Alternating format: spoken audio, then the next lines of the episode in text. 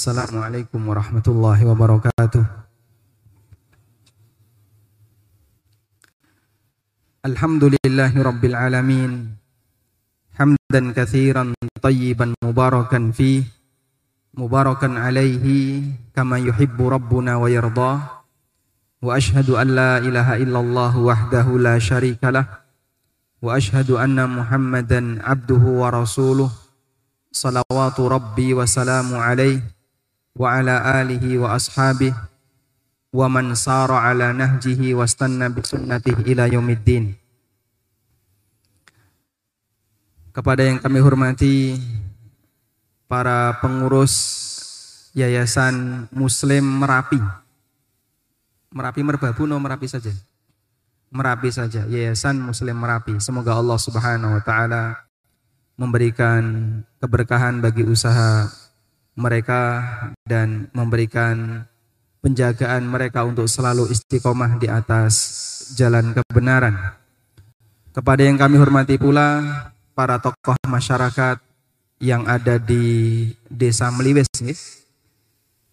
Meliwes, Kecamatan Cepogo. Masya Allah.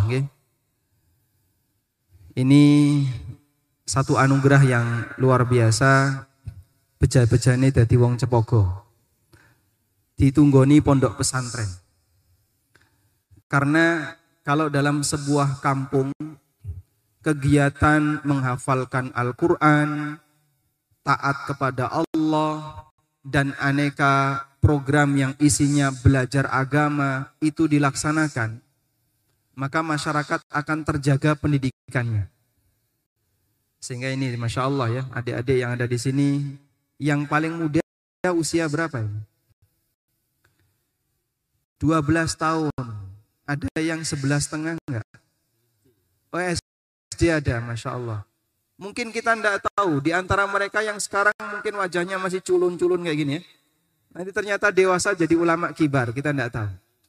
Kita doakan semoga nanti Cepogo punya tokoh masyarakat yang paham agama sehingga bisa memberikan pengarahan bagi para masyarakat. Ada sebuah perkataan yang disampaikan oleh Imam Hasan Al-Basri.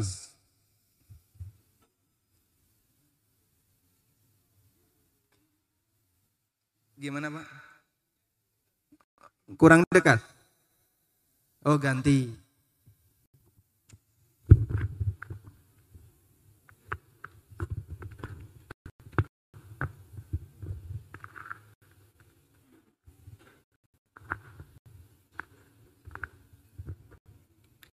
Ada sebuah perkataan yang disampaikan oleh Imam Hasan Al-Basri. Beliau seorang ulama tabi'in yang pernah diasuh oleh Ummu Salamah. Siapa Ummu Salamah? Ummu Salamah niku sinten? Salah satu istri Nabi sallallahu alaihi wasallam. Kata Imam Hasan Al-Basri, "Laulal ulama lakana nasu kal bahaim." Andekan bukan karena ulama menungson niku kados dene kewan manusia bisa berperilaku sebagaimana binatang kalau dia tidak dibimbing dengan ilmu agama.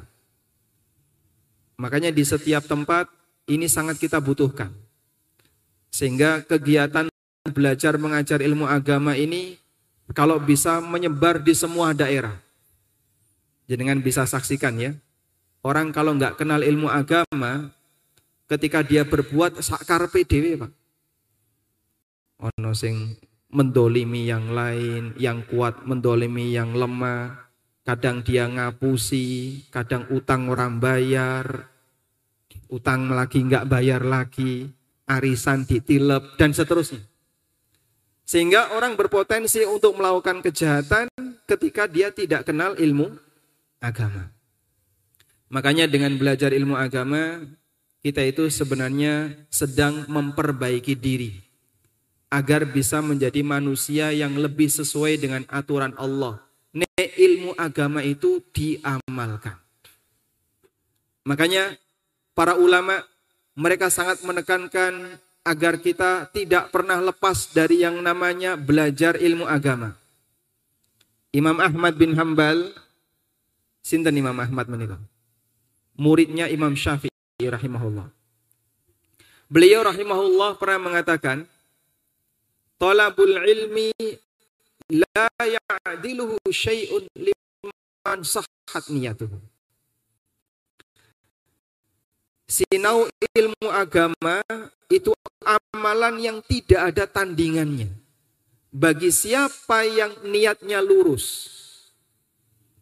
Sehingga kita belajar juga perlu memperhatikan kondisi niat. Para santri belajar ilmu agama tujuannya apa? Tujuannya apa? Hmm? Biar biar apa? Masuk surga. Masya Allah.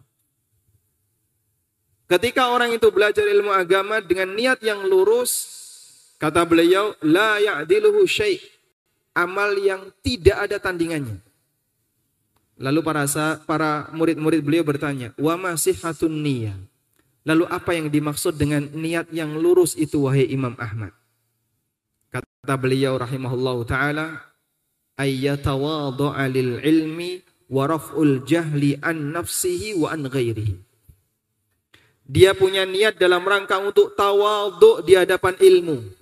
Tawaduk di hadapan ilmu niku pripun Pak maksudnya ngajeni ilmu. Purun mendekat, mau untuk mendekat belajar. Mau untuk mendengarkan ceramah. Karena banyak orang yang dia nggak mau sama sekali.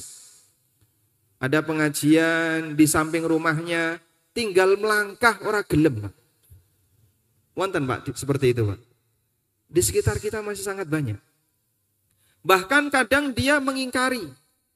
Wes diundang, gak mau, kadang malah menolak, menghalang-halangi. Ada juga sebagian orang yang dia sudah mengetahui kebenaran di sini tempatnya. Tapi dia tidak mau untuk mengambilnya.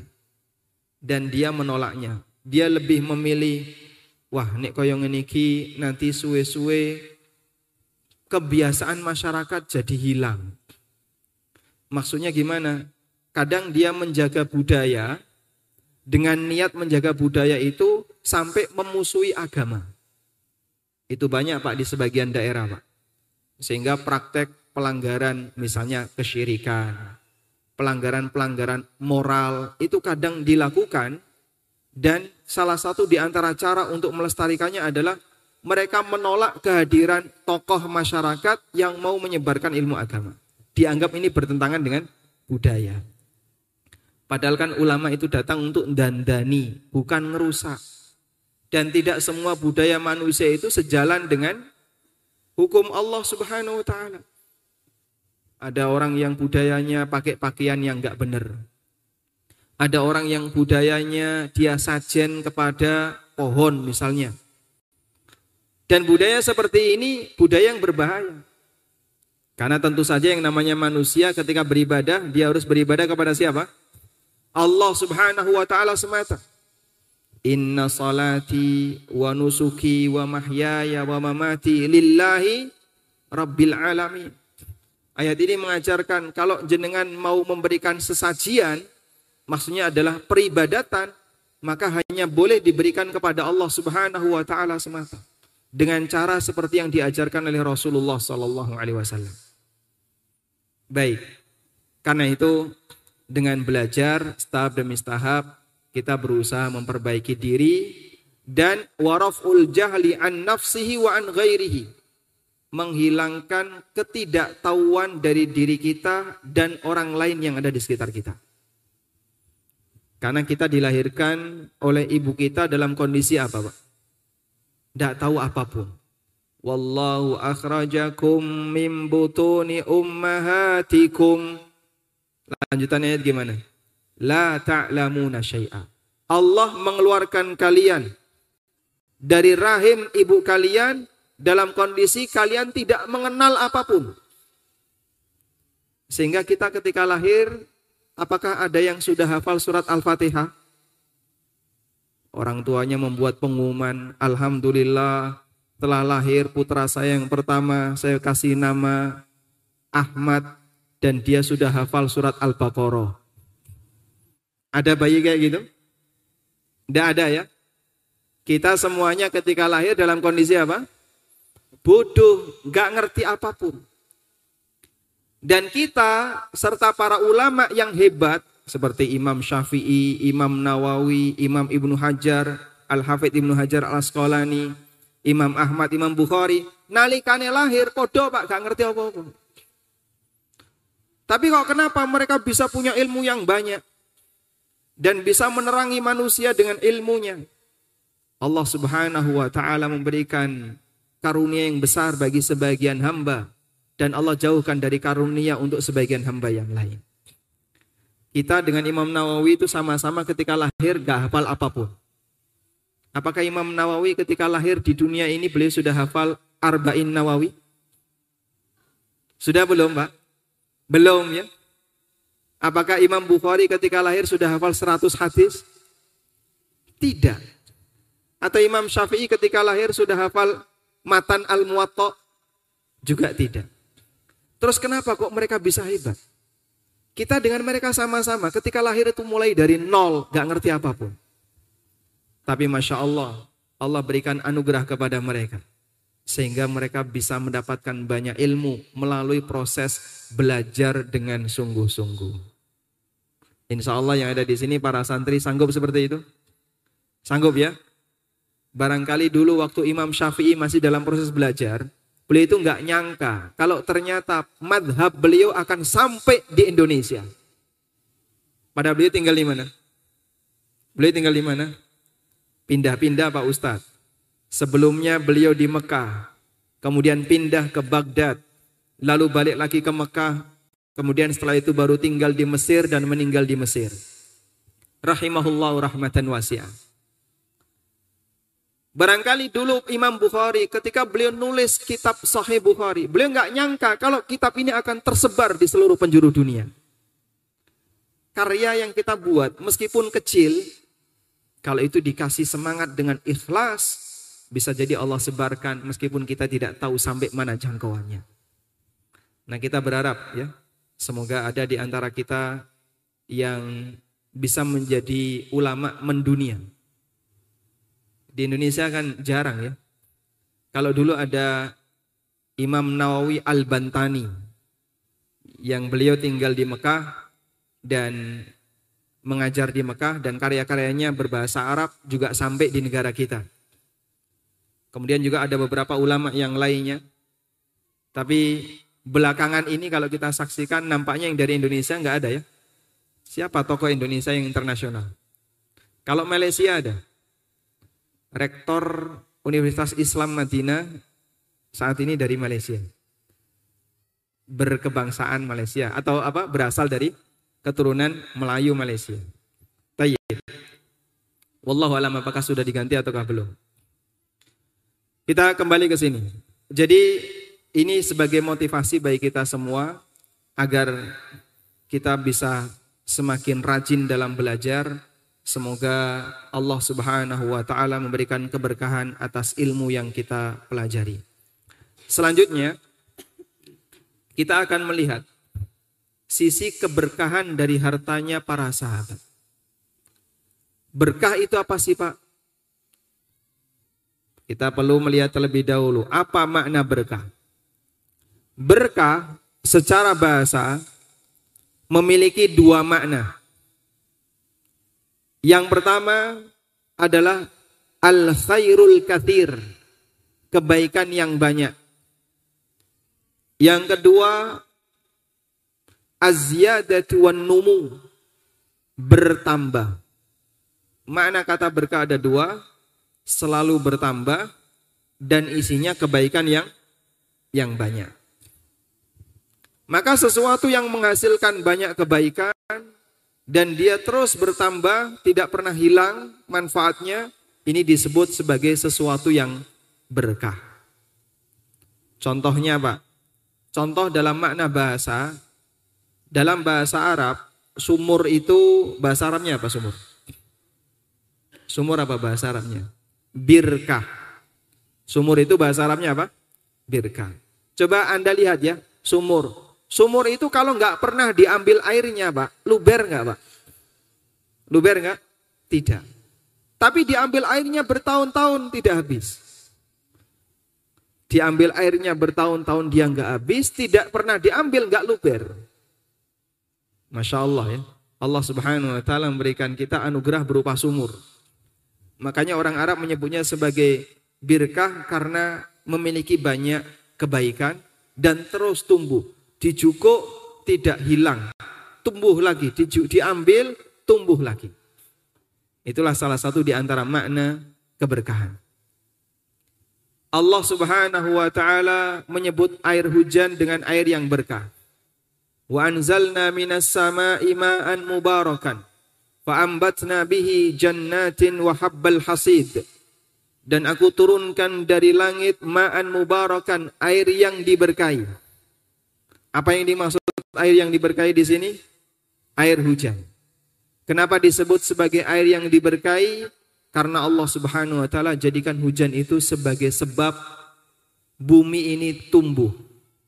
Ada banyak pepohonan, ada banyak sekali apa rerumputan yang bermanfaat bagi makhluk hidup yang ada di sana.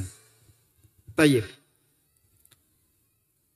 Karena itulah kita bisa memahami bahwa benda yang berkah adalah benda yang banyak memberikan kebaikan bagi yang lain dan kebaikannya itu selalu tumbuh dan berkembang. Artinya tidak habis. Sehingga harta yang berkah adalah harta yang banyak memberikan kebaikan dan dia terus bertambah. Artinya tidak tidak habis. Manusia yang berkah adalah manusia yang banyak memberikan kebaikan dan dia terus istiqomah dalam memberikan kebaikan sehingga tidak mutung di tengah jalan. Nah, kita berlomba-lomba untuk menjadi manusia yang berkah. Karena manusia yang paling dicintai oleh Allah salah satunya adalah yang banyak memberikan manfaat bagi yang lain. Rasulullah sallallahu alaihi wasallam bersabda, "Ahabbun nasi ilallah anfa'uhum linnas." Manusia yang paling dicintai oleh Allah adalah yang paling banyak memberikan manfaat bagi yang lain. Baik. Nah, sekarang kita akan lihat Sisi keberkahan dari hartanya sahabat. Seperti apa sih Pak keberkahan dari hartanya sahabat? Keberkahan dari hartanya sahabat itu bukan dimaknai harta sahabat itu terus bertambah semakin banyak semakin banyak, bukan demikian. Tapi sisi keberkahan hartanya sahabat adalah harta yang mereka miliki banyak mendatangkan kebaikan bagi perjuangan dakwah Nabi sallallahu alaihi wasallam dan untuk kegiatan fisabilillah mendukung tersebarnya dakwah Islam. Itulah keberkahan hartanya para sahabat. Sehingga ketika mereka punya harta, itu Masya Allah dimanfaatkan semaksimal mungkin untuk mendukung dakwah tersebarnya agama Islam. Sampai mereka gunakan untuk beli kendaraan agar bisa jihad mereka menyantuni orang-orang yang sedang belajar Islam yang datang dari luar sementara tidak punya nafkah kemudian disantuni oleh para sahabat Ansor dan aneka bentuk kemanfaatan yang lainnya. Nah, nanti kita akan sebutkan beberapa contoh yang menunjukkan hal itu. Baik, Bapak Ibu yang dimuliakan Allah Subhanahu wa taala. Puncak keberkahan dari harta seorang hamba itu telah dinyatakan oleh Rasulullah SAW. Dalam bentuk nopo Pak? Dalam bentuk sedekah jariah. Nopo niku sedekah jariah? Sebagaimana namanya, sodakotun jariah artinya adalah sedekah yang pahalanya terus mengalir. Jariah artinya apa tadi? Jariah artinya apa? Pahalanya terus mengalir. Sodakotun jariyah berarti sedekah yang pahalanya terus mengalir. Apa itu bentuk sedekah jariyah? Para ulama mendefinisikan sedekah jariyah dengan istilah wakaf. Karena orang itu kalau wakaf, benda itu terus menghasilkan manfaat, pahalanya terus mengalir, selama benda itu dimanfaatkan tidak akan pernah putus. Itulah manfaat dari wakaf. Karena itu seperti keterangan Imam Ar-Rafi'i. salah seorang ulama madhab syafi'iyah, Imam Ar-Rafi'i. Beliau pernah mengatakan, Wasadaqatun jariyah wahiyal waqfu. Makna dari sedekah jariyah adalah wakaf. Karena tidak ada makna yang lain untuk sedekah jariyah selain wakaf.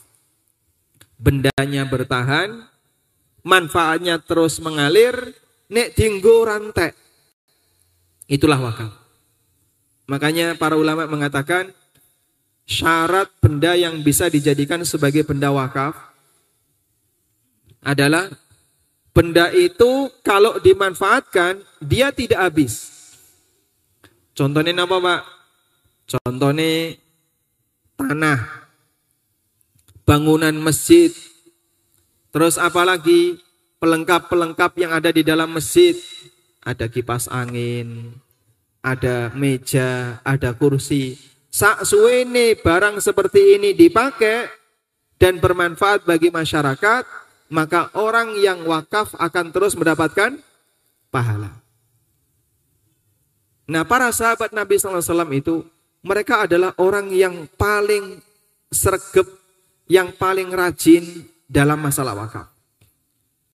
Sampai sahabat Jabir bin Abdullah radhiyallahu anhu pernah mengatakan, ma min ashabin nabi sallallahu alaihi wasallam dzu maqdiratin illa waqafa tidak ada satupun di antara sahabat Nabi sallallahu alaihi wasallam yang punya kemampuan secara finansial tidak ada satupun di antara sahabat Nabi wasallam sing duwe duit illa waqafa kecuali dia pernah wakaf sehingga semua sahabat yang kaya, semua sahabat yang punya kemampuan harta, mereka itu pasti pernah punya wakaf. Jenengan pun gak ada wakaf dari. Kalau bisa semua kita pernah punya wakaf. Meskipun misalnya ya, masjid ini butuh nopo atau Pak? Butuh mau bangun gedung TPA misalnya. Ya raketang urun 2 juta, 3 juta. Berarti kita punya sekian persen dari satu gedung itu. Selama gedung itu dipakai, kita punya sekian persen dari pahala atas pemakaian gedung itu. Sehingga kalau tidak bisa utuh, minimal mengambil bagian. Makanya kalau ada pembukaan program seperti wakaf, kalau bisa di antara kita pernah wakaf. Baik. Insya Allah sanggup ya seperti ini. Coba latihan ya. Jadikan sebagai prinsip. Pokoknya ojo sampai aku mati kecuali sudah pernah wakaf. Sekecil apa pun terlibat. Siapa yang ikhlas ketika wakaf, maka Allah Subhanahu wa taala akan abadikan pahalanya sehingga sekalipun dia sudah meninggal dunia, pahalanya akan tetap terus mengalir. Baik. Ini keberkahan pertama dari hartanya para sahabat.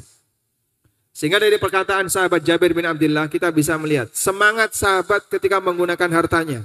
Dipakai untuk apa? Salah satunya adalah diabadikan harta itu untuk wakaf. Ma min ashabin Nabi sallallahu alaihi wasallam du maqdiratin illa waqafa.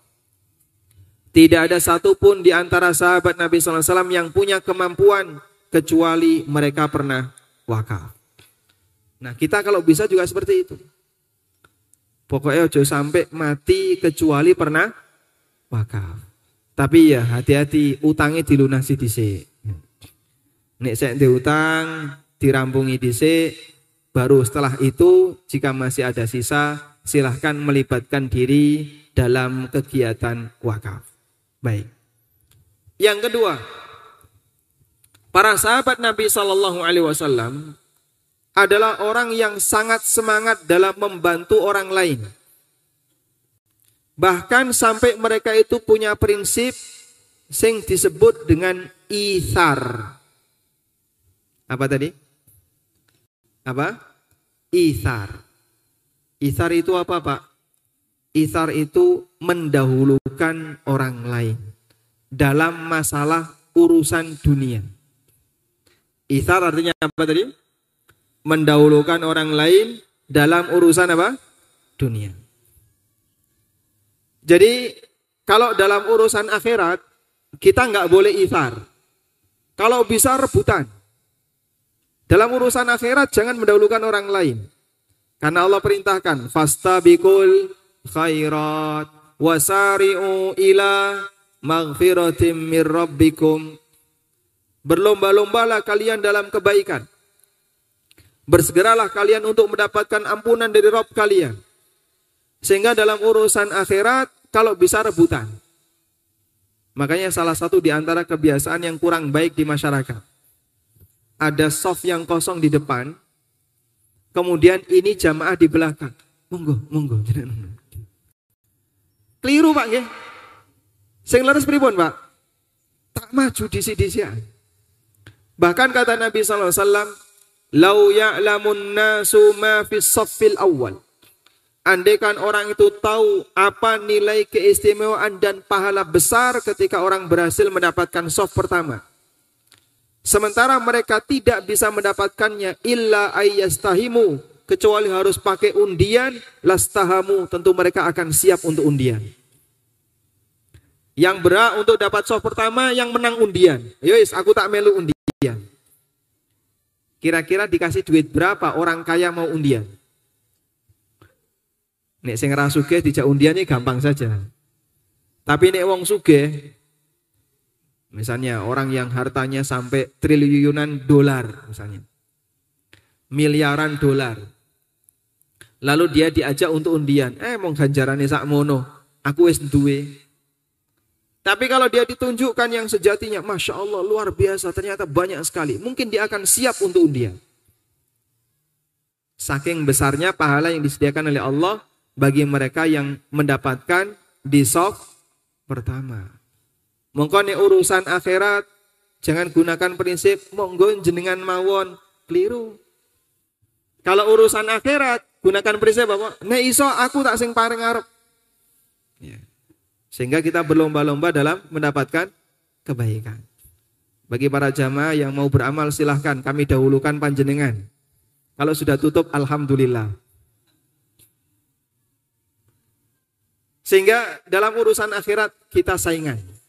Tapi untuk urusan dunia, kalau untuk urusan dunia, sahabat itu punya prinsip wa yu'thiruna ala anfusihim walau kana bihim khassasah. Mereka lebih mendahulukan orang lain meskipun sebenarnya dia sendiri itu butuh terhadap itu. Masya Allah Pak, kalau prinsip seperti ini diterapkan dalam dunia masyarakat, dalam kehidupan kita sehari-hari. Rano sing jengene wong padu urusan donya itu rano, Pak. Padahal penyebab pertama terjadinya pertikaian di antara masyarakat sebabnya apa, Pak? Sebabnya apa? Rebutan donya. Nek wis pilihan lurah, eh masya Allah. Bisa berantem antara satu padukuan dengan padukuan yang lain. Bisa bermusuhan antara satu kubu dengan kubu yang lain. Tonggo jadi padu gara-gara beda nomor. Sing siji milih pari, sing siji milih jagung. Zaman dhisik ngeten nggih. Saat ini kan nggak pakai lambang, langsung coblos orang. Nggih, leres Pak. Dulu Orang bisa berantem, bahkan sekarang orang bisa berantem gara-gara masalah pilihan. Coba kalau pakai sistem tadi, urusan dunia persilahkan orang lain. Monggo nek jadi lurah jenengan mawon. Ya? Tumon Pak urip kaya ngono Pak. Kayaknya dunia kebalik ini. Mosok dadi lurah kok panjenengan mawon. Nek iso aku. Karena itulah dulu para sahabat Nabi Shallallahu alaihi wasallam setelah wafatnya Umar bin Khattab radhiyallahu anhu, beliau menunjuk ada berapa sahabat? Enam sahabat. Yang diketahui ada Abdurrahman bin Auf radhiyallahu anhu. Dari enam sahabat ini mundur-mundur-mundur sehingga tinggal dua orang, Ali dan Utsman. Semuanya mundur, tinggal dua orang yang dicalonkan. Utsman bin Affan dan siapa? Ali bin Abi Thalib. Abdurrahman sebagai ketua dewan formatur Beliau mengatakan seperti ini. Siapa di antara kalian yang mencalonkan temannya tak tunjuk jadi khalifah? Aneh betul? Ya? Siapa di antara kalian yang mencalonkan temannya langsung tak tunjuk jadi khalifah. Ali dan Utsman. Kalau salah satu bilang Utsman saja, langsung Ali jadi khalifah. Andaikan Utsman mengatakan, monggo Ali saja yang jadi khalifah, langsung dia ditunjuk jadi khalifah. Itu prinsip yang diterapkan oleh Abdurrahman bin Auf. Akhirnya begitu mereka mau saling mencalonkan, diam dia. Abdurrahman punya aturan kayak gitu. Siapa di antara kalian berdua, di antara Ali dan dan Uthman yang mencalonkan pasangannya, langsung saya tunjuk jadi khalifah. Tumon kayak gitu Pak di negara kita Pak. Nemu kayak gitu Pak? Tidak ada Pak. Karena dalam masalah urusan dunia, mereka itu mendahulukan yang lain. Sehingga para sahabat Ansor itu kenapa menjadi orang yang sangat semangat dalam menerima masyarakat muhajirin? Karena mereka punya prinsip, dahulukan orang lain dalam urusan dunia. Para ulama menyebutkan ayat yang tadi kita baca, wa yu'thiruna ala anfusihim walau kana bihim khasasah. Mereka lebih mendahulukan orang lain meskipun diri mereka sendiri sebenarnya butuh. Ayat ini turun berkaitan dengan sebuah peristiwa. Datang orang menjadi tamu Rasulullah sallallahu alaihi wasallam. Tapi di rumah Nabi SAW tidak ada sesuatu yang bisa dipakai untuk suguhan. Akhirnya beliau tawarkan kepada para sahabat. Siapa di antara kalian yang sanggup menjamu tamu saya? Angkat tangan. Saya ya Rasulullah. Baik, silahkan tolong nanti tamu ini ajak kau ke rumah. Ajak dia ke rumah, jamu dia. Padahal dia itu tidak tahu di rumah ada makanan atau tidak. Tapi rodok nekat. ya. Akhirnya diajak. Sebelum sampai rumah, dia tanya ke istrinya. Dia belum tahu, dia nggak tanya lewat WA atau telepon istrinya dulu. Dah. Langsung diajak tamu itu pulang ke rumah. Tanya ke istrinya, masih punya roti berapa? Cuman satu lempeng. Karena dulu kan makanan dalam bentuk roti ya. Hanya tinggal satu lempeng. Setengah untuk kamu, setengah untuk saya dan anak-anak. Baik, anak-anak suruh tidur semua. Seluruh anak-anak ditidurkan. Enggak makan malam, Pak. Mungkin perutnya kerucukan, gak apa-apa, yang penting konturu kabel. Orang kalau lapar dipakai tidur, gampang tidur apa susah tidur, Pak? Susah. Tapi harus diperjuangkan, pokoknya kudu iso turu. Setelah mereka tidur, istrinya menyuguhkan satu lempeng roti tadi. Dibagi dua, setengah untuk tamunya, setengah untuk tuan rumah. Tamunya makan, lampu dimatikan, kelutak kelutik kelutak kelutik, berpura-pura dia makan. Tuan rumah pura-pura makan. Selesai tamunya makan, masih mau tambah enggak? Ini saya masih punya setengah, dikasihkan setengah. Akhirnya satu roti tadi dimakan oleh tamu semuanya. Dia dan keluarganya enggak makan. Walau kana. Mereka lebih mendahulukan orang lain meskipun dia sendiri butuh. Gak ada di tempat kita Pak prinsip seperti itu Pak. Kalaupun ada seribu satu. Masya Allah. Sehingga dalam urusan dunia neiso aku. Tapi kalau bagi para sahabat dalam urusan dunia, monggo panjenengan. Saya tak di belakang saja. Sanggup seperti itu. Santri kalau makan rebutan atau mendahulukan yang lain. Ya. Kalau makan gimana santri? rebutan.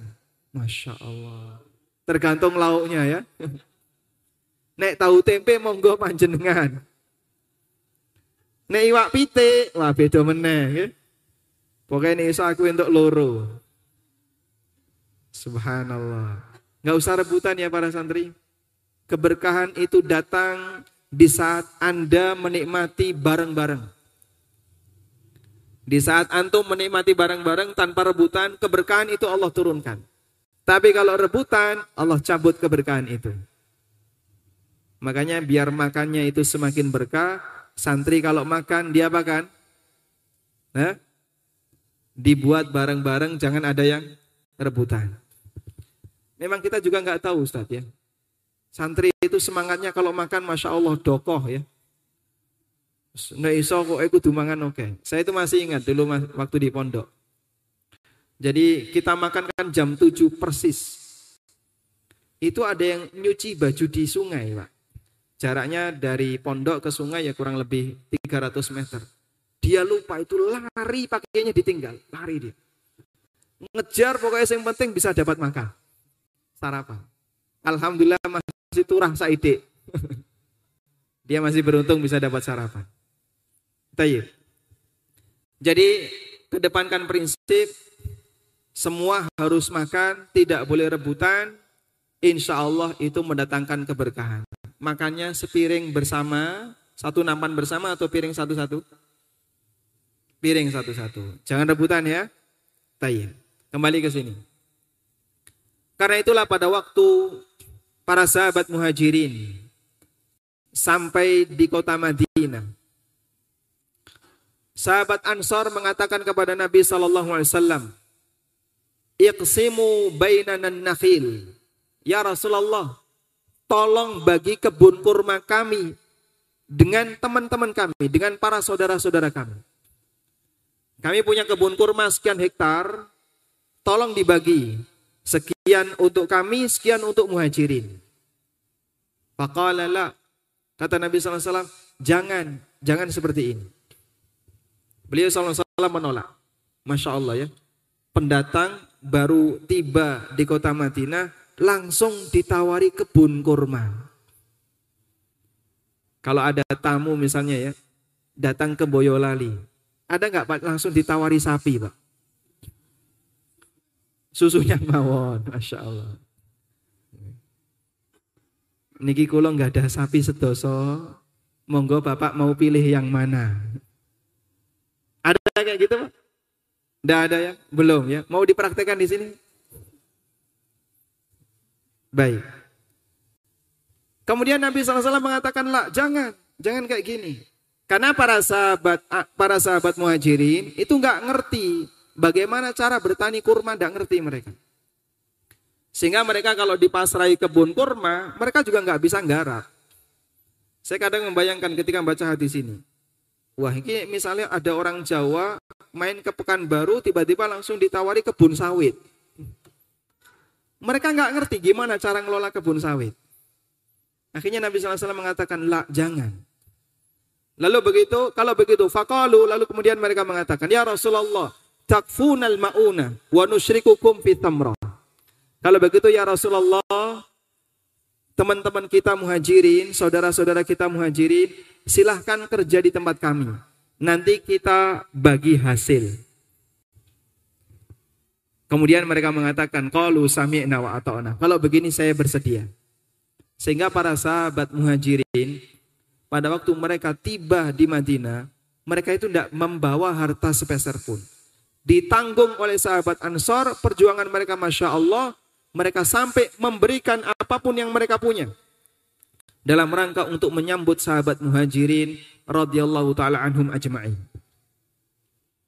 Makanya jamaah dimulakan Allah sampai di antara mereka itu ada yang berdoa kepada Nabi wasallam.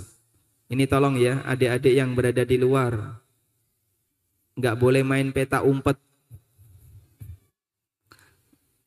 Tenang ikut ngaji, ikut ngaji. Jangan lari-lari ya.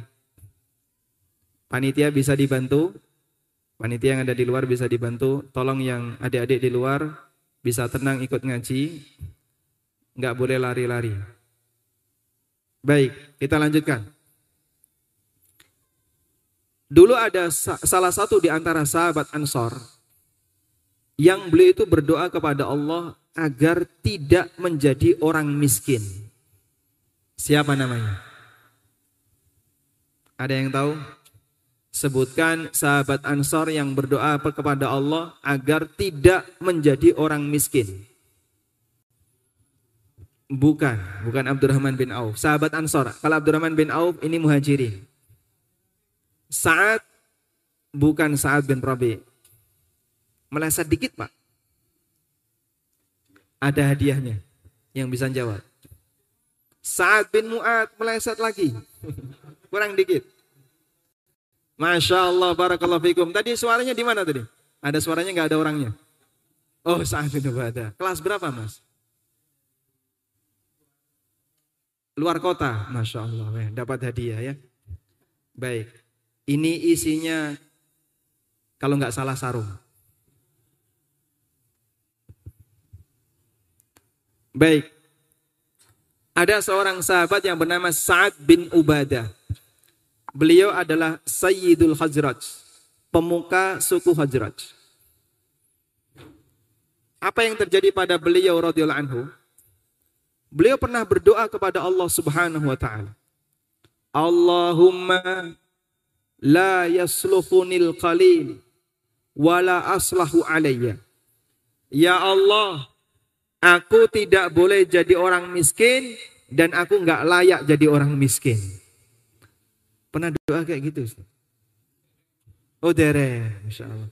Biasanya isi doanya apa Ustaz? Rahasia ya? rahasia ya. Doa itu rahasia. Ya. Baik.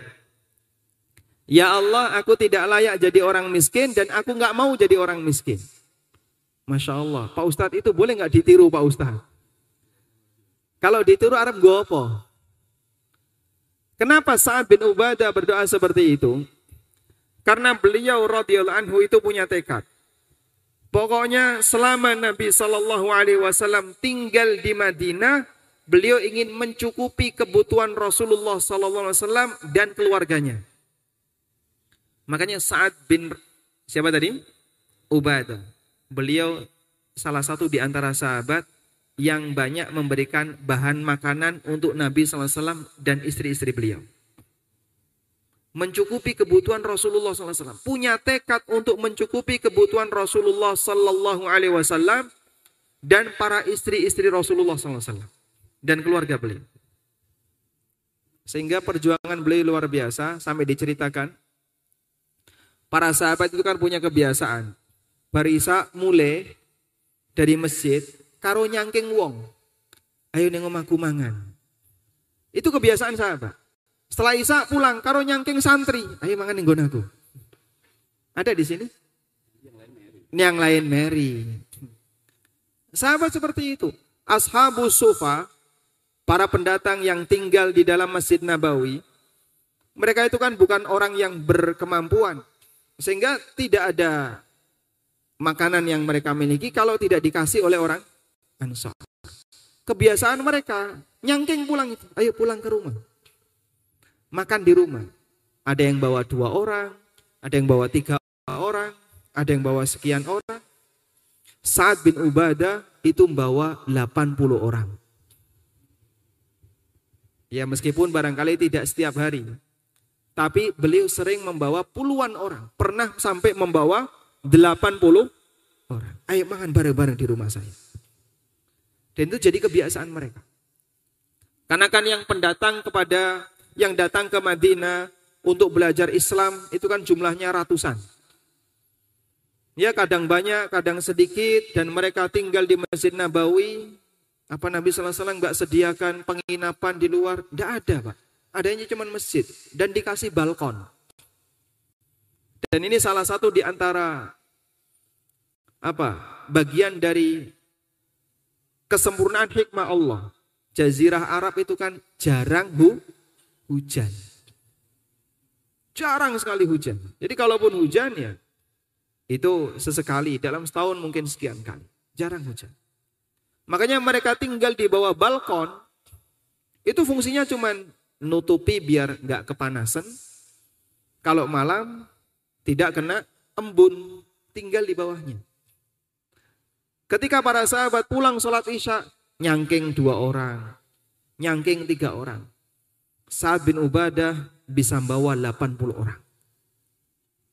Karena beliau punya tekad ingin melayani muhajirin semaksimal yang beliau mampu. Coba kalau para santri diterapkan kayak gitu, mau ndak? Ya, mau ndak? Kesenangan. Lawe beda kok ya. Neng pondok tahu tempe karo lele. Di sini apa? Komplit, masya Allah. Sayuran murah ya nasi sayur nasi sayur nasi sayur ya komplit baik dengan cara demikian maka mereka bisa saling sepenanggungan makanya para sahabat Nabi SAW mereka memaksimalkan harta yang mereka miliki dalam rangka untuk menjamin antara satu dengan yang lainnya. Subhanallah. Ini kalau bisa kita terapkan dalam kehidupan kita sehari-hari, Masya Allah, akan menghasilkan hidup yang sangat nyaman jemaah. Sa'ad bin Ubadah ini termasuk sahabat yang kaya dan beliau banyak menderma dan ayahnya terkenal sebagai orang yang sangat dermawan. Sehingga memang sudah turunan wong dermawan. Bapak ini dermawan, kakeknya dermawan, Sa'ad bin Ubadah juga orang yang dermawan. Baik. Selanjutnya, di antara contoh bentuk keberkahan harta para sahabat Nabi sallallahu alaihi. Mereka adalah orang yang sangat komitmen untuk menyelesaikan kewajiban kepada orang lain. Sehingga nek duwe utang atau kewajiban kepada orang lain yang belum selesai, tekad mereka kuat. Pokoknya tuduh rampung sebisanya. Selesai sebisanya. Dulu ada sahabat yang bernama Zubair Ibnul Awam. Zubair bin Awam ini suaminya siapa?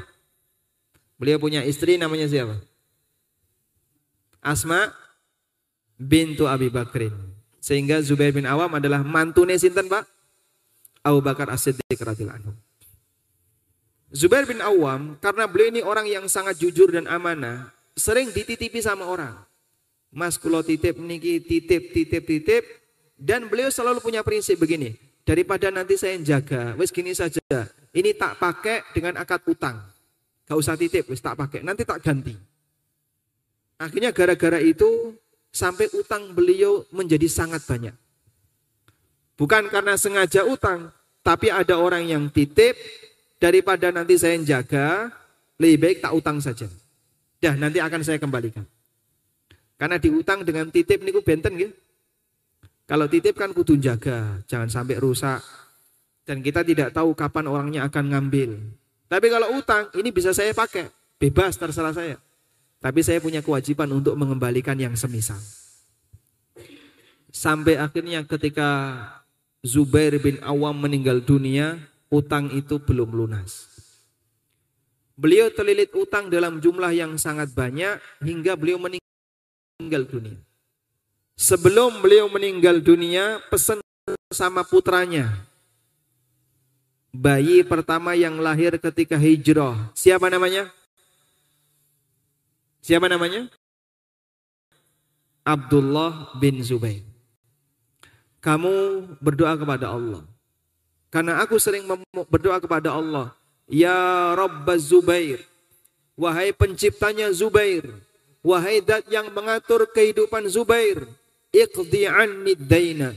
Lunasi utangku ya Allah. Minta kepada Allah dengan serius. Dan ketika memanggil, itu memanggil dengan panggilan tadi. Wahai Robnya Zubair. Wahai penciptanya Zubair. Karena nama beliau siapa? Zubair.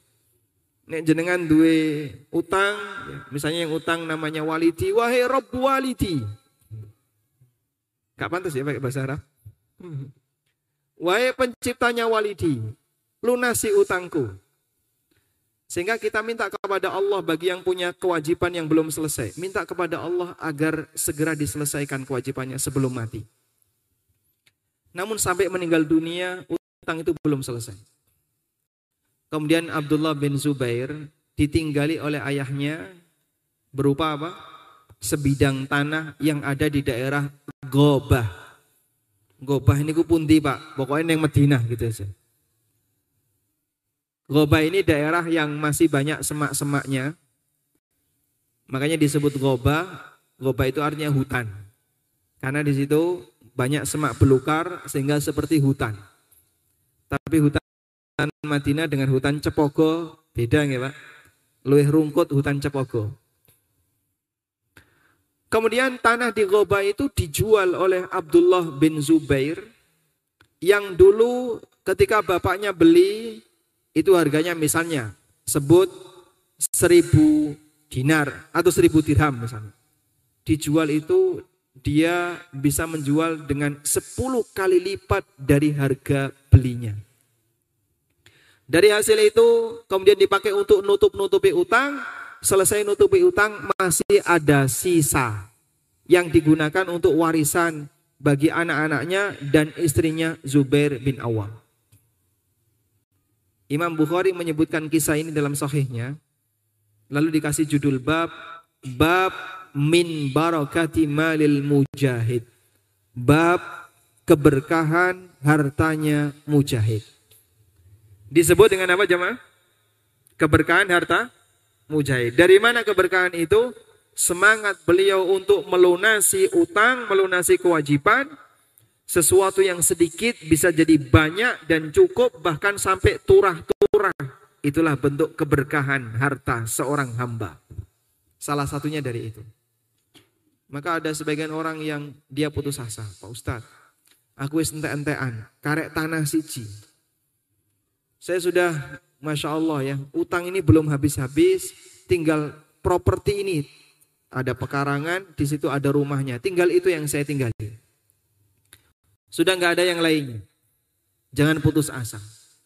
Sudah ada kejadian di masa silam orang yang seperti itu di kalangan sahabat. Tapi karena seriusnya mereka dalam semangat untuk menutupi kewajibannya, Allah Subhanahu wa taala tolong dan membantunya. Baik. Ini solusi bagi teman-teman yang barangkali KPR belum lunas ya. Leasing kendaraan belum kelar. Miliki tekad yang kuat untuk menunaikan dan menyelesaikannya. Semoga dibantu oleh Allah Subhanahu wa taala. Pun juga ini Pak Alhamdulillah. Baik demikian yang bisa kita sampaikan sebagai mukaddimah. Semoga bermanfaat. Wassalamualaikum ala wasallam. Jazakallah khairan Ustaz Ami. Alhamdulillah materi sudah disampaikan. Insya Allah begitu banyak yang bisa kita ambil faedahnya. E, untuk menyingkat, menyingkat waktu langsung saja mungkin bagi panjenengan sto yang ingin tanya bisa langsung. Kami prioritaskan yang langsung pakai mic dulu biar lebih lebih detail. Monggo, nah, monggo Pak Sumono dulu, monggo. Megang sepuhin. Assalamualaikum warahmatullahi wabarakatuh. Waalaikumsalam. Maaf, Tat, ini sebenarnya pertanyaan, pertanyaan tadi yang dari salah tiga, Pak. Dari salah tiga. Ngejar ke sini, Pak. Ya? Ngejar ke sini. Nanti mau ikut ke Jogja enggak, Pak? Insya Allah. Insya Allah lain waktu. Tadi pertanyaan saya belum terjawab. Saya ngacung berkali-kali enggak diberi kesempatan di salah tiga. Pertanyaan saya, karena kaitannya dengan dua materi tadi dan sekarang tentang keberkahan harta begitu. Terus terang anak itu ASN. Nah, dalam melaksanakan tugas, kami itu ada aturan-aturan, kami guru. Sehingga ada sesuatu yang harus dipenuhi, terutama dalam memberikan nilai kepada siswa. Kita semua terbentur pada KKM. KKM. Kriteria mengajar. Keberhasilan minimal. Sementara anak itu tidak mampu mencapai angka tertentu nggak mampu. Kita harus menuliskan di nilai itu sekian. Nah, gaji yang saya terima itu gimana? Karena apa? Saya harus memberikan nilai KKM itu. Sementara anak nggak nggak mampu mau menaikkan nggak eh, mau tidak menaikkan nggak berani sehingga harus kami naikkan. Karena kami terbentur pada sistem yang seperti itu. Ini yang pertama. Yang kedua, di kantor kami itu sering kali ada acara makan-makan. Misalnya pas ini ulang tahun guru makan. Ini makan. Lah, kami nggak tahu ini dana dari mana kok makan makan makan makan ini. Ini halal atau tidak? Kok ya orang lemu-lemu ya, Pak? Jadi ada acara sedikit aja makan-makan gitu loh. Dan kami menikmatinya gitu loh. Lah, lah nara mangan yo ngelak lah niku. Lah ini halal atau tidak? Berkah atau tidak? Jazakum khairan atas jawabannya. Assalamualaikum warahmatullahi wabarakatuh. Assalamualaikum Waalaikumsalam warahmatullahi wabarakatuh. Satu-satu dulu nggih? Ya, satu-satu dulu. Mungkin sebagai solusi untuk pertanyaan yang kedua, Pak. Jika ada pengumuman besok mau makan-makan, jenengan poso mawon. Insya Allah tidak terpengaruh ya. Baik, kita akan bahas yang pertama ya. Dan ini memang salah satu fenomena dalam dunia pendidikan. Jadi kita itu kan diminta sebagai guru, sebagai apa misalnya pengampu mata pelajaran, kalau bisa semua siswa itu naik kelas. Ojo sampai ada lembaga pendidikan yang siswanya tidak naik kelas. Apalagi nggak lulus itu jangan sampai. Sehingga ketika memberikan nilai pada KKM, kemampuan minimal bagi siswa, rata-rata guru itu main katrol. Yang seharusnya sebenarnya nilai dia itu 4 Pak. Minimal KKM misalnya 7,5 misalnya. Anak ini layak dikasih nilai 4. Tapi masa ningkon dinikahi nilai papat, orang munggah. Akhirnya apa? Dikatrol jadi nilai tujuh setengah. Dikasih nilai minimal. Itu kira-kira boleh atau tidak? Jadi begini ya, begini. Dalam memberikan penilaian, itu ada dua prinsip. Ada adil, ada fadl. Apa namanya? Adil, satunya apa? Fadl. Sikap yang diwajibkan untuk dilakukan itu adil. Sedangkan fadl itu sifatnya anjuran, tidak wajib. Sifatnya apa? Anjuran. Contoh misalnya ya. Saya punya lima karyawan. Saya janjikan semua karyawan saya harus bekerja dari mulai Senin sampai Jumat, Sabtu Ahad libur, masuk jam 8, pulang jam 5. Semuanya kerja bersama. Gaji saya tetapkan setiap bulan 2 juta.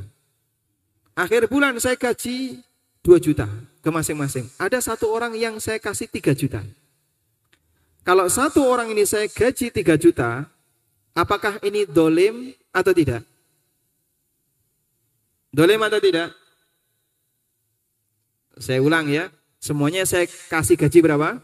2 juta. Sesuai perjanjian, 2 juta, 2 juta. Satu karyawan saya kasih gaji 3 juta. Padahal mereka kerjanya sama kerjanya sama, masuknya sama, juga nggak ada yang pernah bolos selama satu bulan, sama semuanya. Tapi salah satu saya kasih gaji 3 juta. Ini adil atau tidak? Adil atau tidak? Tidak, ini tidak adil. Berarti dolem dong Pak? Tidak dolem. Loh tidak adil kok tidak dolem terus nopo nih Itu namanya fadl. Saya ngasih lebih kepada karyawan saya sesuai dengan kebijakan yang saya berikan. Ya terserah saya. Dan itu tidak disebut dolim. Kenapa kok tidak disebut dolim? Kan saya tidak mengurangi hak siapa pun. Beda kalau begini. Si A dapat gaji 2 juta. Lalu saya ambil, kamu satu juta saja ya. Yang satu juta saya kasihkan ke si B. Sehingga gaji si B jadi 3 juta. Nah itu saya mendolimi si A. Karena apa? Mereka kerja bareng, sementara hak A tidak kami tunaikan, sehingga saya mendolimi si, si A. Paham di sini Pak? Paham ya? Baik. Tapi kalau semuanya saya gaji, kasih gaji sesuai perjanjian, berarti kan tidak ada yang saya dolimi. Lo itu kok si B dapat 3 juta Pak? Lah kamu dapat berapa? 2 juta. Perjanjian kita berapa? 2 juta. Ini kan sudah sesuai perjanjian.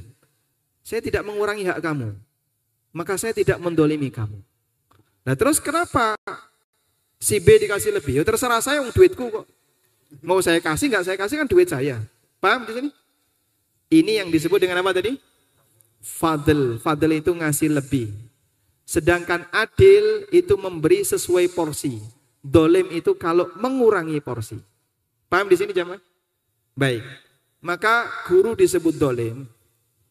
Kalau ada siswa yang dia layak dikasih nilai 9. Tapi ketika Anda lihat mukanya, wah nek koyong ini kayak nilai songo kok aku loro hati. Akhirnya didono, jadi wolu, dolim nih. Kenapa kau dolim? Anda mengurangi hak dia. Wong dia haknya 9 kok dikasih 8. Apalagi ketika 9 itu dikekno koncone. Sudah, ini 9, tak turunkan jadi delapan, yang satu tak sumbangkan ke temannya. Dolim ini. Sembilan tetap sembilan. Tidak boleh dikurangi. Nah yang nggak mampu nggak mampu ini, yang seharusnya dapat empat, aku mesano karawamu, tak kasih lebih, tak tambahi. Ini bukan dolim, ini fadl namanya. Lego, Pak, Pak. apa enggak nipu, Pak? Apa enggak nipu? Nilai itu kan haknya guru. Bagi saya, kamu bisa seperti ini sudah tujuh setengah. Yang terserah saya, saya yang menilai. Begitu ya. Pada waktu saya skripsi, alhamdulillah dimudahkan oleh Allah ya. Dosen pembimbingnya ini masya Allah gampang banget. Mas, jadi dia bilang ke saya, kalau dosen yang lain mungkin agak rumit ketika skripsi. Saya itu penting begini, skripsi itu mahasiswa seperti mengenal alat, oh pisau, pisau itu dipakai ngiris, sudah selesai, lulus dia. Bagi yang lain suruh buat alat, ini ada pisau ya, kamu buat pisau yang semisal. Itu dosen yang lain. Alhamdulillah saya nggak dapat dosen yang lain.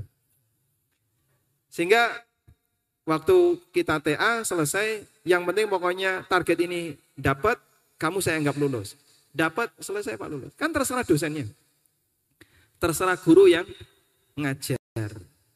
Sehingga bagi saya misalnya ya, KKM minimal tujuh setengah. Saya anggap berapapun kemampuan siswa, itu adalah nilai minimal. Sehingga meskipun dia seharusnya dinilai 4, tapi kita katrol dari tujuh setengah, itu nggak dolem Pak, itu fadl. Dan fadl seperti ini hukumnya dianjurkan. Anda berbuat baik kepada para santri. Alhamdulillah. Lego Pak Guru. Lego. Alhamdulillah. Ini ini, Berarti- anu, ini membuka ASN hampir semua guru.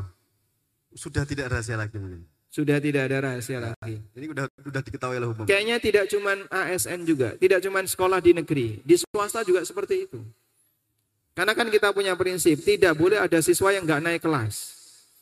Selama dia siswa yang normal, ikut kegiatan KBM normal, meskipun kemampuannya lebih rendah dibandingkan yang lain, lalu guru ngasih nilai dengan cara katrol, itu tidak termasuk bersikap do, dolim. Beda dengan tadi, sing pinter di duno nilai ini dikekno sing rodok rapinter ya.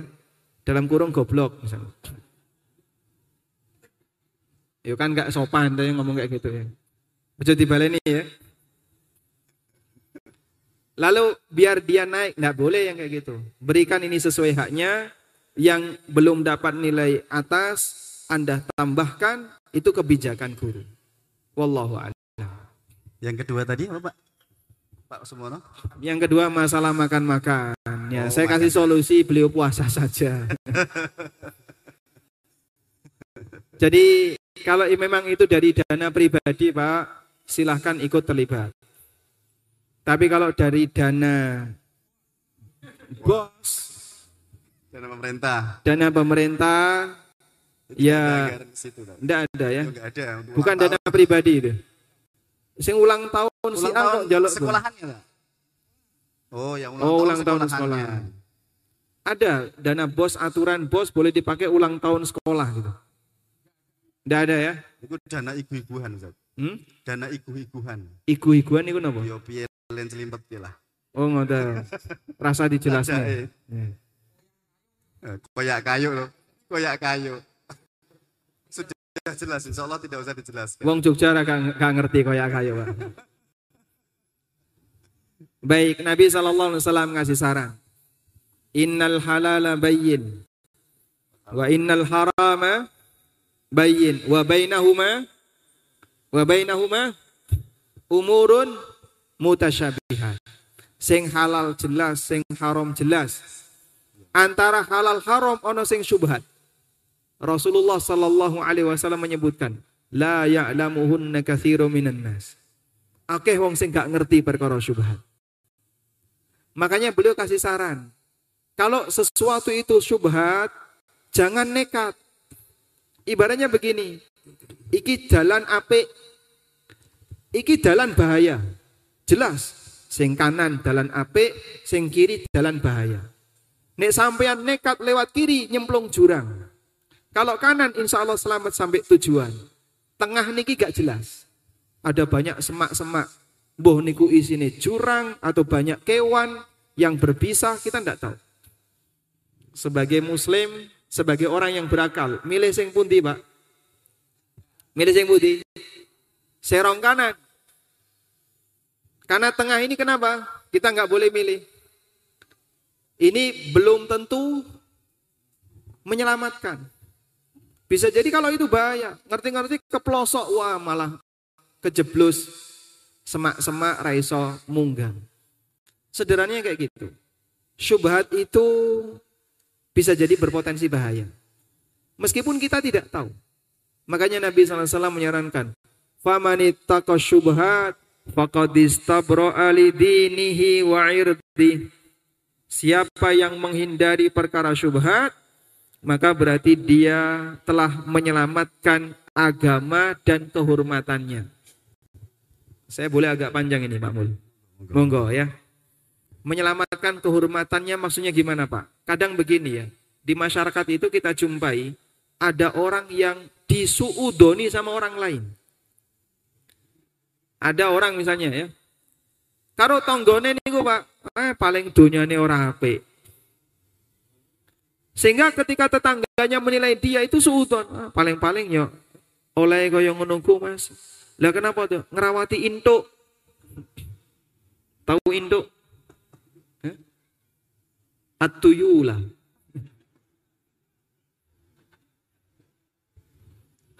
Paling-paling mau ngerawati induk. Orang jadi curiga.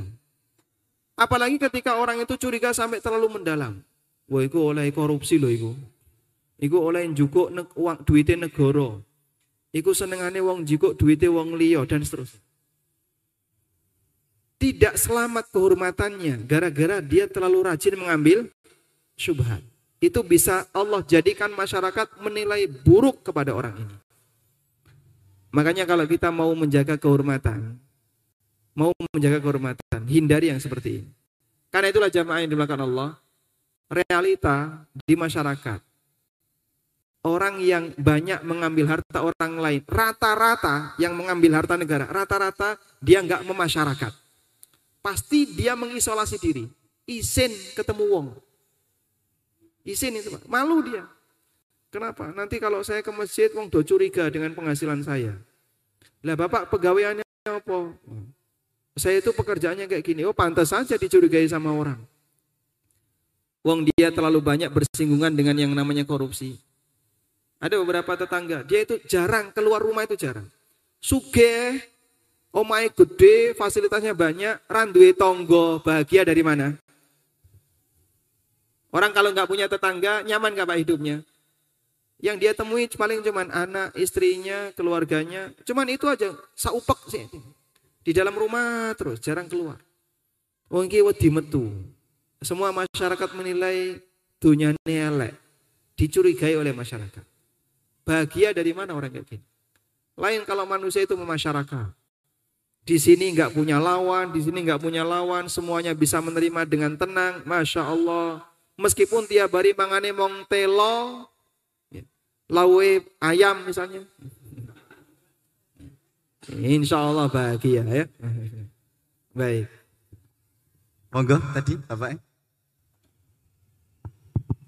Assalamualaikum warahmatullahi wabarakatuh. Waalaikumsalam. Uh, saya Latif dari Boyolali.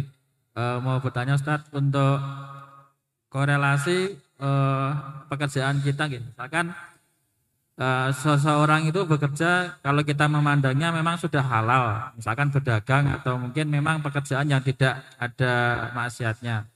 Tapi uh, ada kasus bahwa uh, orang melihat keluarganya kok tidak uh, kayak mungkin keluarganya kayak broken gitu. Nah itu uh, saya pernah ditanya itu, Mas itu si A kerjaannya halal, tapi kok kenapa kok keluarganya broken? Jadi apakah seperti itu bisa bisa ada korelasi. Misalkan kita kalau orang itu pekerjaannya yang tidak baik mungkin langsung ada nggih. Oh, oh ini pekerjaannya maling misalkan. Nanti keluarganya seperti ini misalkan seperti itu. Tapi ketika yang menjadi pertanyaan itu uh, pekerjaannya kita lihat bagus halal ingin toyib Tapi kok eh, ada korelasi dengan yang terbalik dengan keadaan keluarganya seperti itu. Penjelasan seperti itu seperti gimana, Tat? Mohon penjelasannya. Terima Masya kasih. Allah, baik. Baik. Ya meskipun ini sebenarnya perlu diulang nggak pertanyaannya? Tidak ya, pemirsa yang di NB Channel sudah lihat ya. Baik.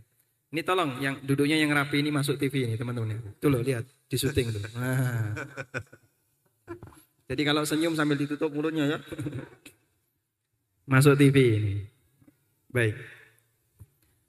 Ya sebenarnya memang ini lintas fikih ya. Kalau kita bahas masalah halal haram ini di kajian fikih muamalah. Tapi kalau kita bahas masalah perceraian ini di fikih usroh. Cuman ada sebagian orang yang punya anggapan. Biasanya mas, nek pendapatannya orang HP, dia mendapatkan uang dengan cara yang nggak benar. Biasanya rodok panas suasana rumah tangganya. Sehingga uangnya cepat habis, mbah sopo sing ngentekno sampai ada istilah duit setan dipangan demit. Bedanya setan yang demit apa? Eh? Bedanya setan yang demit apa? Lihat di kamus ya. Jadi orang kadang suudon dengan seperti itu sampai arahnya ke sana. Lah terus kalau misalnya, Pak ini keluarganya, ini pendapatannya baik-baik saja. Dia kerja di dunia yang halal, tidak ada sesuatu yang haram. Kok tetap keluarganya pisah? Ya berarti memang tidak ada hubungannya. Meskipun kadang ada hubungannya. Yang terkadang ada hubungannya dalam kasus tertentu bisa jadi tidak ada hubu- hubungannya. Dulu ada sebagian sahabat yang mereka bercerai dengan istrinya. Dan beberapa sahabat mereka juga bercerai. Padahal kita yakin kan tidak mungkin sahabat pendapatannya haram. Mungkin tidak sahabat pendapatannya haram? Menghindar sekali mereka. Tapi kenapa kok terjadi perceraian? Ya nggak ada hubungan antara pendapatan dengan pernikahan. Sebutkan nama sahabat yang paling banyak bercerai. Dapat hadiah. Sebutkan nama sahabat yang paling sering cerai. Tapi rasa ditiru ya. Yus ngono tak praktek Pak Ustadz. Ojo, ini nggak ngajari. Ada? Masya Allah, betul sekali. Mana yang jawab tadi? Barakallahu fikum. Dapat hadiah Ustaz. Dapat tadi ya? Ya. Beliau adalah Hasan bin Ali bin Abi Thalib, cucunya Nabi SAW. Lewat mana? Kanan atau kiri? Lewat kanan ya. Hasan bin Ali radhiyallahu anhu itu disebut oleh ayahnya sendiri. Ya ayuhan nas, waktu Ali bin Abi Thalib jadi khalifah, beliau umumkan di masyarakat. Ya ayuhan nas, la tuzawwijuhu. Wahai masyarakat, jangan terima lamarannya Hasan. Nek ngelamar anakmu aja ditompo. Fa innahu kana mingkahan mitlakon. Karena cah iki ki hobine rabi karun talak. Beliau kan menikahi berapa? 70 ya. Istrinya itu 70. Nabi ya, empat pisah. Nanti papat meneh pisah meneh, papat meneh pisah meneh. Ojo diti tiru. Ampun ditiru nggih? Iya. Kita menceritakan sejarah yaitu sah-sah saja Hasan bin Ali bin Abi Thalib. Tapi ketika Ali bin Abi Thalib mengumumkan seperti ini, masyarakat justru mengatakan, "Wallahi la uzawwijuhu." Demi Allah, nek aku duwe anak wedok tak nikahkan dia. Jadi rebutan. Li'annana natlubu syarafakum ya ahla baitin Nabi wasallam. Karena kami mengharapkan kemuliaan kalian wahai keluarga Nabi wasallam. Dua mantu putunya Rasulullah wasallam. Bahagia nggak, Pak? Dan Hasan bin Ali itu mirip Rasulullah. Ganteng, Pak. Ganteng, gagah, kaya. Karena mahar pernikahan beliau itu budak bawa emas. Budak plus budaknya itu sekali emas. Ini jadi mahar. Jadi budaknya plus emasnya. Sopo wong wedok sing gak gelem. Tapi seperti itu. Kadang beliau sering bercerai. Apakah harta beliau haram? Tidak. Tidak ada hubungannya di sini. Antara broken home misalnya dengan apa? Masalah pendapatan pada asalnya tidak ada hubungannya. Meskipun kadang memang ketika orang punya pendapatan yang nggak baik, ngefek kepada rumah tangganya. Wallahu a'lam. Sebentar, kita beralih ke ini dulu aja ya. Ini banyak sekali nanti kasihan yang nulis nggak terbacakan. Sebentar ya Pak. Ini ada pertanyaan. Tat misalkan kita menggade barang, kemudian barangnya. Ini sebentar Tat. Ini ini kan sebenarnya temanya tentang harta sahabat yang berkah, tapi karena antum kayaknya sudah diketahui oleh publik bahwa antum termasuk pakar fikih kontemporer, jadi mohon maaf nanti mungkin kayaknya banyak pertanyaan yang kaitannya dengan sekitar. Kayaknya salah alamat ini. Kasihkan ke ustadz yang lain. Ini pertanyaan gini, Tat, misalkan kita menggade barang, kemudian barangnya dimanfaatkan dengan izin pemilik barang. Apakah ini termasuk riba? Termasuk riba ya. Dalam keterangan yang disampaikan oleh Ibnu Qudamah rahimahullah, gade itu kan tidak hanya berlaku dalam akad utang. Ada nggak gade dalam akad yang lain? Banyak. Misalnya gade dalam akad uh, pinjam meminjam. Contoh, si A sama Mas Mul dipenjemi rumah. Ini rumah kamu silakan pakai WA. Lalu A menggadekan mobil ke Mas Mul. Mas Mul ini mobil saya tak gadekan ya selama saya pakai rumah jenengan. Sehingga beliau yakin kalau si A ini bukan orang yang jahat sehingga beliau siap menggadekan rumahnya kalau memang terjadi sesuatu ini mobil saya gadekan. Lalu si A mengizinkan ke Mas Mul. Mas Mul butuh mobil saya silahkan pakai. Barang gade seperti ini boleh nggak dipakai? Boleh, karena ini bukan akad utang. Ini bukan akad utang, tapi akad apa tadi? Akad pinjam minjam, akad i'aroh. Sehingga gade yang bukan dari akad utang boleh untuk dimanfaatkan. Contoh yang lain. Saya pesan apa misalnya? Pesan dibuatkan rumah oleh si A.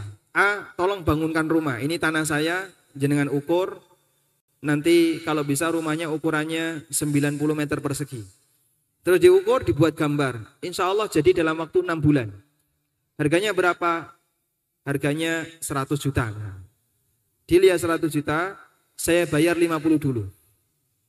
Nah sekarang jaminannya apa? Jaminannya si A menyerahkan motor. Nah ini motor saya sebagai jaminan. Saya akan serius untuk garap rumah ini. Ini akadnya apa ini? Ini disebut dengan akad istisna. Dan gadai dalam akad istisna, sak suwene barang durung dadi, lalu dia memberikan barang gadai, jika pemilik barang mengizinkan untuk pakai, silahkan. Karena ini bukan gadai dalam akad utang. Pondok jahitkan baju, butuh 100 baju. Datang ke penjahit B. Nah, pondok minta jaminan. Pak, kita kan sudah bayar ya. Jaminannya apa kalau jenengan serius mau nggarap? Ya wes itu motor saya tolong dibawa sebagai jaminan. Dan B mengizinkan, nek pondok butuh Pak, silahkan dipakai saja. Ini akad yang boleh karena ini istisna gade dalam akad istisna sehingga boleh dimanfaatkan. Sudah? Tapi kalau dalam akad utang, baik diizinkan maupun tidak diizinkan tetap nggak boleh.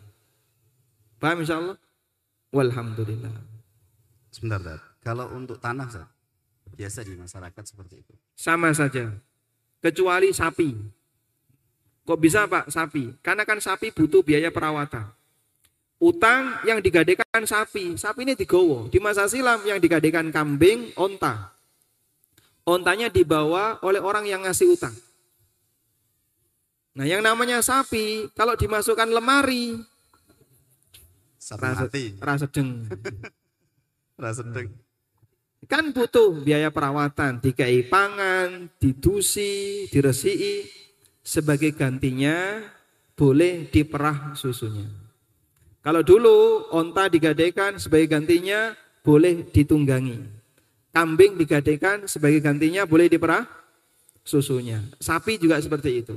Hadis itu bisa kita terapkan di Boyolali. Maksud saya kalau tanah digade kemudian ditanami dibagi hasil atau gimana gitu? Enggak bisa.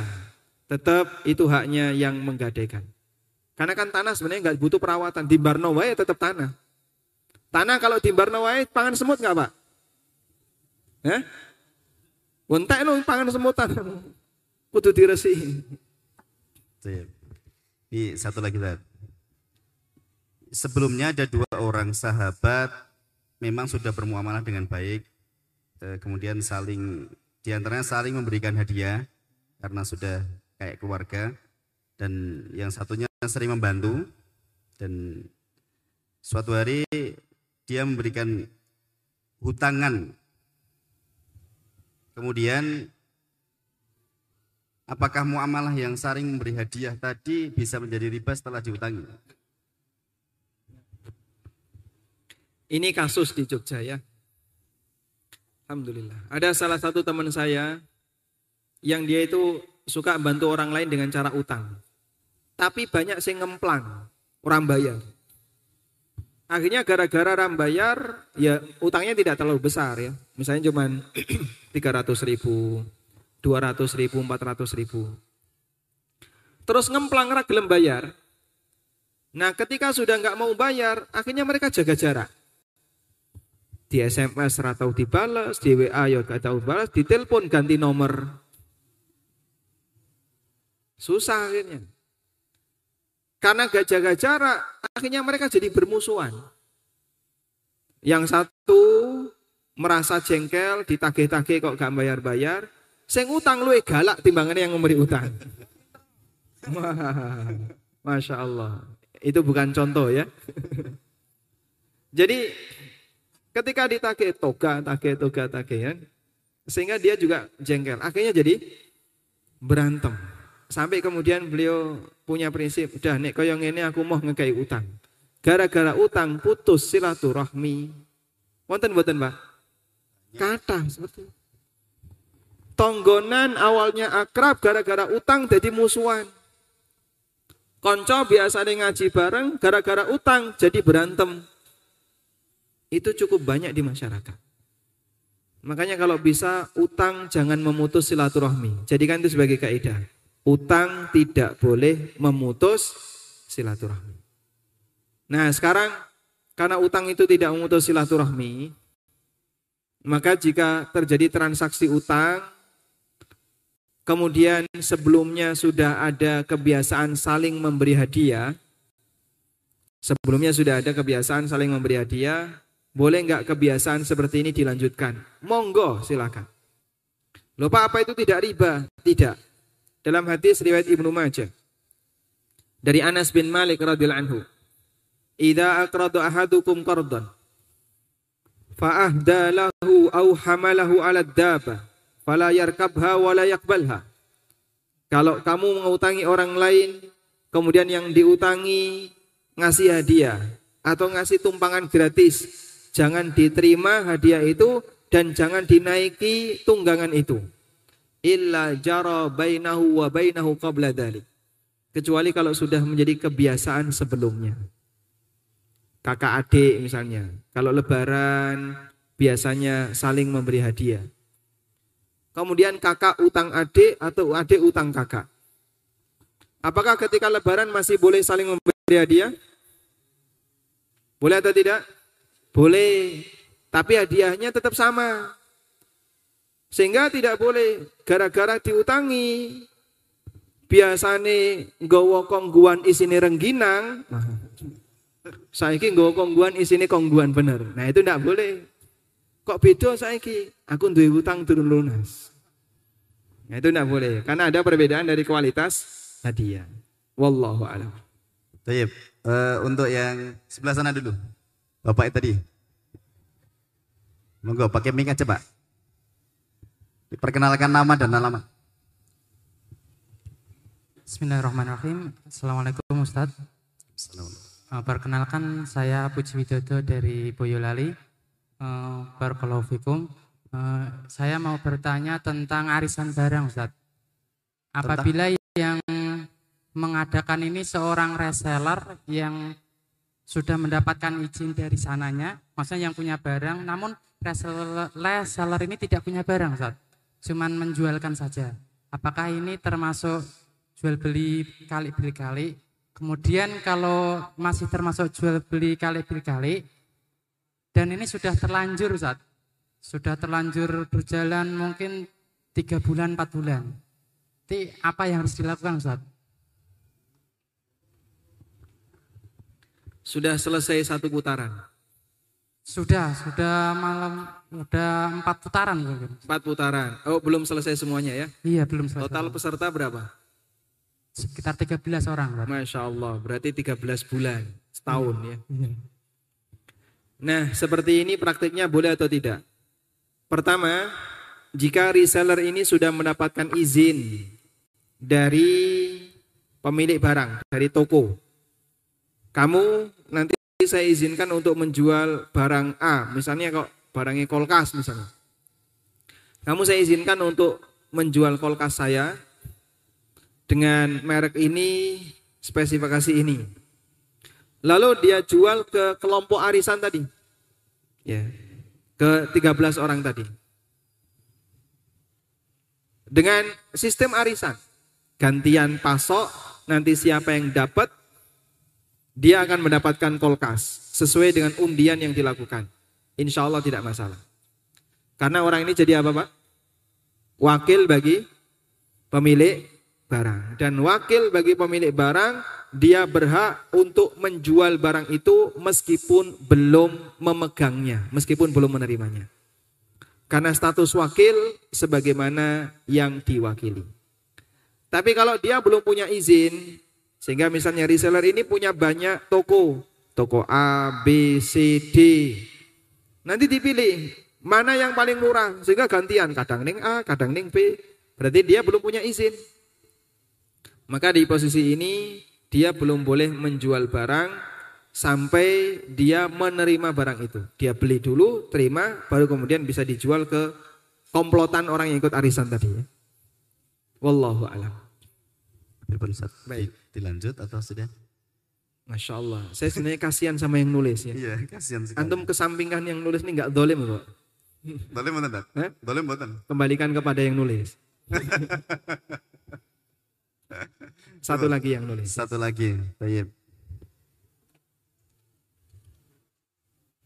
Ini pendek sekali, Dak. Bagaimanakah hukum uang komisi? Komisi apa? Komisi A atau komisi B? nah ini nggak jelas ya pertanyaan kayak gini. Kita lewati dulu. Ya, Jangan yang panjang-panjang. Ini ada beberapa yang sama, yaitu bagaimanakah eh, beliau mempunyai harta yang bercampur dengan riba. Bagaimana cara, cara saya membersihkan harta tersebut supaya berkah untuk keluarga? Masya Allah. Kalau kita punya harta yang bercampur dengan yang haram, apakah yang haram menyebabkan harta yang halal jadi ikut haram?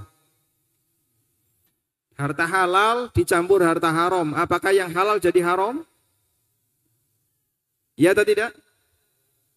Saya punya daging sapi sekilo. Lalu ada daging babi sekilo.